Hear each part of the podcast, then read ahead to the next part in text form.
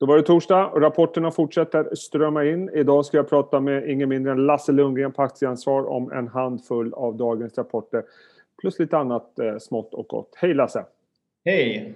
Trevligt att vara här. Ja, alltid lika trevligt att se er. Du, jag tänkte vi ska prata om några rapporter, men innan vi går in på, på specifika bolag. Eh, om, eh, hur, hur skulle du vilja sammanfatta den här rapportperioden? Jag tycker att, eh, jag har sagt det förut också, att eh, det är inte lätt att imponera på marknaden i det här kvartalet. Nej, det, det, är väl en bra sammanfattning. Jag menar, siffrorna har ju generellt sett varit bra. Rakt igenom ska man väl säga, tycker jag på flera bolag. Sen har vi de avvikelser som har varit har varit väldigt bolagsspecifika. Det har varit engångsgrejer och sånt och, och det har ju straffat sig ganska hårt. Då. Men eh, vi har väl kommit in i perioden med eh, kanske både höga kurser och höga förväntningar. Mm. Och ett bra exempel på det tycker i alla fall jag, det är ABB som kommer en rapport idag. När jag tittar ja. på siffrorna så ser det ju Eh, jag har svårt att se någonting som jag blir, blir oroad över och ändå är aktien ner några procent när du och jag pratar.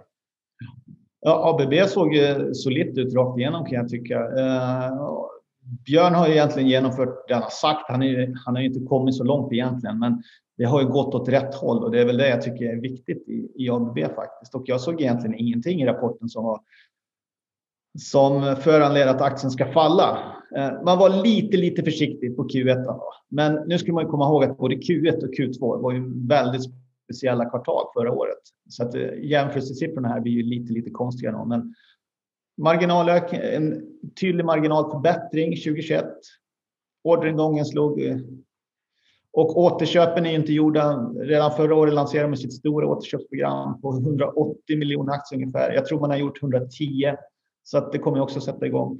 Det såg bra ut, men aktien var ju upp 12 procent kanske innan rapporten.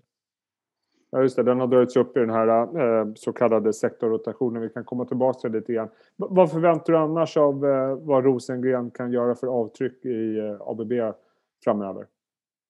Jag tror att han kommer fortsätta med den här decentraliseringen och den liksom satte egentligen igång förra sommaren. Så att, eh, han har väl bara fått strukturerna på plats och vi har ju bara sett lite grann av resultaten, så att resultaten kommer ju framöver och jag tror faktiskt att det kan bli bra. Det kanske, det kanske är den här gången som ABB förvandlas till, till ett lite, lite bättre bolag. Lite lättare att uh, förstå sig på ibland. Jag tycker det är, väldigt, är lite svårt.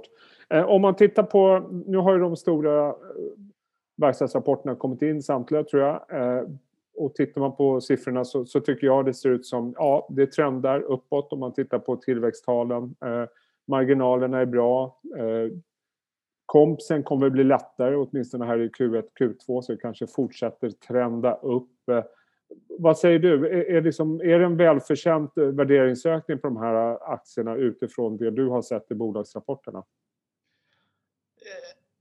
jag tycker att det är välförtjänt av det vi har sett. Vi har ju liksom sett rekordmarginaler. Vi såg ju Volvo komma in på över 13 procent i lastvagnar. SKF var ju också bra. Sandvik var ju generellt sett bra. Men många verkstadsbolag befinner sig på all time high också. Mm. Och som vi säger, en del av den här marginalen, det kommer ju från att vi har dragit ner en del kostnader på försäljningsomkostnader, marknadsföringsomkostnader. Det här slår ju ganska... Det, det, marknaden är osäker på om det här kan ligga kvar. En hel del, många frågor på alla conference call är ju hur mycket av de här kostnadsbesparingarna kommer att ligga kvar ett helt normalt år? Och det, det är lite svårt att säga helt enkelt. Om du tar Volvos marginal på lastvagnar, alltså den är ju så hög så att det, det är nästan orimligt att tro att den ska vara så hög.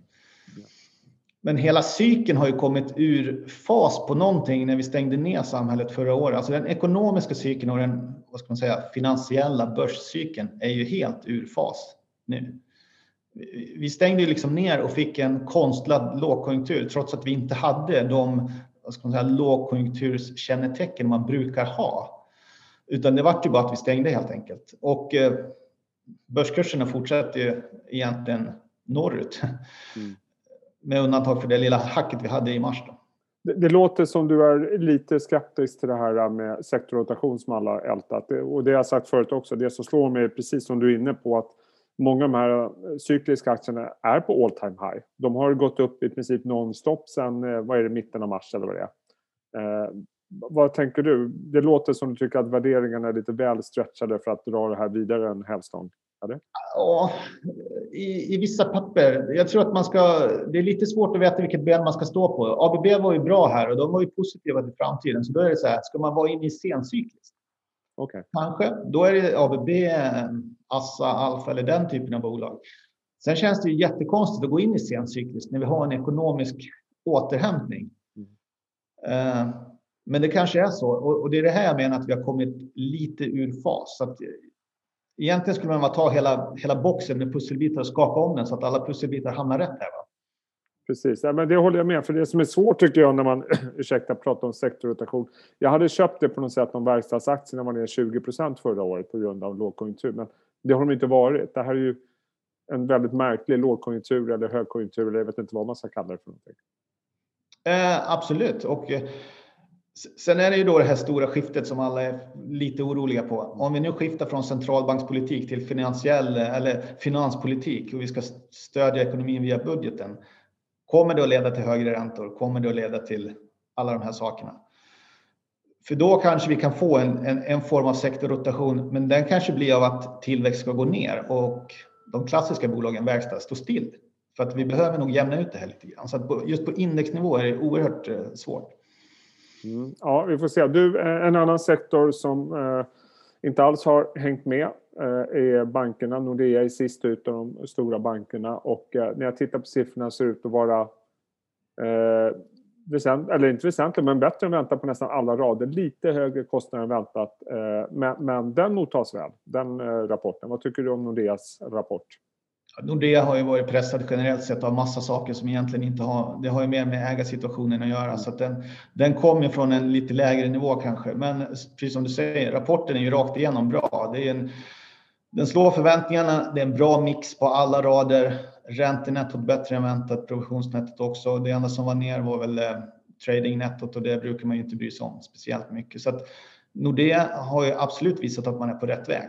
Och de till skillnad från kanske Swedbank pratar ju faktiskt om lite tillväxt här. Man har ju haft en bra kreditexpansion. Och, och tittar man då, om vi ska summera den här sektorn, den är väldigt speciell för den fortsätter att, att lagga och det gjorde den ju innan pandemin också för den delen. Eh, så, så, tycker jag väl att överlag har det varit hyggliga rapporter från samtliga de fyra bankerna. Eh, värderingarna i absoluta tal tycks vara låga, de hänger inte med som jag sa. Hur, hur ser du på sektorn? Absolut, jag tycker att det, det, ser ju hyggligt ut här och eh, som sagt, det beror lite på vad konjunkturen tar vägen. Men precis som du sa, SE-banken kom ju först ganska tidigt med, med en, en helt okej okay rapport. Den var ju ganska bra. Sen satte den väl ribban lite grann. Swedbank nådde ju inte riktigt upp till den. Och Handelsbanken har ju haft kanske sina interna omstruktureringar så att marknaden inte riktigt vet vad man ska tro. Och så kommer Nordea här med en riktigt bra rapport. Men när man pratar om avvikelser här, då får man ju vara lite försiktig för att jag tror att Swedbanks räntenetto var det 80, 90, 100 miljoner. Ja, ja, du behöver ett förstoringsglas nästan för att se avvikelserna. Absolut. Absolut, och det är de små skillnaderna som gör ett oerhört stort utslag på börsen. Så att, eh, men överlag, sektorn kommer att ge ganska bra utdelning under det här året. Eh, om ingenting speciellt händer så borde vi ha en, faktiskt en viss tillväxt i krediterna, vilket blir tillväxt i resultaten för bankerna också. Så att eh, det här året ser helt okej okay ut. Så att huruvida sektorn går bra eller dåligt kontra index, det är ju en sak. Jag tror att på absolut basis så kommer sektorn gå helt okej. Okay. Mm, ja, intressant. För det är ju en sektor tillsammans med, vad är det, teleoperatörer och eh, fastigheter som inte har återhämtat sig eh, sen, fallet där i mars. Så att, eh, det blir intressant att följa det. Eh, apropå finans då. Nordnet kommer in med en rapport mm på morgonen ser busstarkt ut. Eh, bra intäkter, bra kundtillväxt. Eh, helt klart gynnas av den här marknaden. Ja, det här är ju nästan eh, ofattbart bra. Nu, nu har ju Avanza redan kommit så vi visste ju kanske åt vilket håll det lutade. Fick en indikation, ja precis. Fick en bra indikation, ja. Men det här är ju oerhört stark tillväxt i antal avslut, i antal kunder och jag, menar, jag tror man växer 5% i antal kunder bara på en månad. Och var det 44 procent på avslut. Ja. Jag tror antal avslut är upp 150 procent på ett år. Ja, otroligt starkt och med tanke på hur marknaden har sett ut under början av året så misstänker i alla fall jag att vi kommer se ganska starka siffror även i Q1. Ja, absolut. Jag menar Q1 kommer att bli fantastiskt bra för dem. Det har ju fortsatt och egentligen var väl, ska man vara helt ärlig, den riktigt stora håsen och de här tokigheterna vi har sett i USA, det, var ju, det kom ju i januari. Så det är ju då det tog fart på riktigt. Så att Q1 kommer ju absolut att bli bra. Den enda farhåga man har det är ju att eh, är det här en hållbar nivå framöver? Mm. Ja, det blir väldigt. Vad, vad, säger du annars om värderingen Nordnet Avanza? Nu, nu finns det ju två jämförbara bolag att, att titta på, vilket alltid gör det lite roligare. Ja, jag tycker att värderingen har ju jämnat ut sig lite grann. När Nordnet kom in så var den ju lite, lite billigare faktiskt. Eh, och eh, nu har ju Nordnet gått lite, lite bättre då än Avanza under den här korta perioden. De kom väl in i slutet på november, va? Ja. Att de gått bättre beror väl lite kanske på att man fick en liten rabatt i IPO när man kom in då. Och nu har man väl egentligen jämnat ut det här, men ingen av de här aktierna är ju, de här är ju inte billiga om man säger så. De här är ju väldigt, väldigt dyra så att uh, nu backar de ju upp de här värderingarna ska man säga med den här tillväxten man har. Så att det är väl att det här håller i sig, men de, de, de har ju både situationen just nu som är otroligt bra. Man har den strukturella trenden i ryggen. Uh, svenskar eller inhemska investerare kanske tittar mycket på bankerna och tycker att det ser bättre ut för de är så lågt värderade. Och det här gillas ju väldigt mycket av utlänningar ska man komma ihåg. Som jämför med andra objekt i USA som är ännu dyrare. Ja, ja det är väldigt intressant eh, att följa de här bolagen. Eh, avslutningsvis vad gäller rapporter så måste du nästan säga någonting om eh, du pratade om galenskaper tidigare. Jag tänkte på CDON kommer rapport idag. Den har ju tokrusat eh, under året. Eh, jag kan faktiskt inte värdera om det här är en bra eller dålig rapport. Jag noterar att intäkter och resultat är väsentligt lägre än förra året men det finns massa one-offs, incitamentsprogram, noteringskostnader och rensa lager och så vidare. Uppenbarligen eh, vill inte marknaden äga den idag i varje fall. Nej, alltså CDON har ju, har ju jag tänkte inte säga, den har väl inte varit med på Wall Street Bets än, va? men den har ju cirkulerat eh, konstiga analyser på Twitter i alla fall, där kurserna ska vara 2000 och 5000 och 6000 och allting. Och jag hade inte riktigt koll på det från början heller, men jag kan ju bara notera att market cap idag är väl 2,7 miljarder. Man gör 11 miljoner på sista raden på kvartalet och har ungefär 60 miljoner eget kapital. Jag kan inte bolaget heller jättemycket, men spontant ser det ju dyrt ut på pappret och jag vet inte riktigt varför man skickat upp kursen så här långt som man har gjort. Trots fallet idag så är den fortfarande upp 70 procent i år. Ja, det är starkt. Och, och apropå det, alltså, vad säger du om börsen vi är inne i nu? Eh, det händer ju mer på en månad än vad man är van ska hända på liksom flera år. Och vi har haft hela den här GameStop-historien och, och uppenbarligen är risk on. Jag vet att du har en graf som visar på, det, det är en sån här IPO ETF va, som visar på hur den har dragit. Man kan se liknande på, vad är det, Goldman som har någon graf på förlustbolag också som också skjuter i höjden. Risk on. Ja, jag tycker att det är någonting i den här cykeln så är det ju risk on. Jag tycker att många pratar ju om, om digitalisering och ESG-vinnare och så vidare och naturligtvis finns det ju det. Men den absolut största grejen är ju risk on och det är ju tillväxt som gäller här. Mm. Och egentligen jag, tycker jag väl att drömmar har ju aldrig varit så dyra som idag för att under IT-håsen och, och, och, andra krascher eller andra bubblor ska man säga, då, mm. då tycker jag mig sett en viss substans ändå. Man kan ju alltid fundera lite grann på hur högt ett bolag ska värderas, men när man har noll intäkter, då är det ju oerhört svårt. Och det, den här gången har vi sett väldigt många bolag som i princip har noll intäkter, som värderas skyhögt.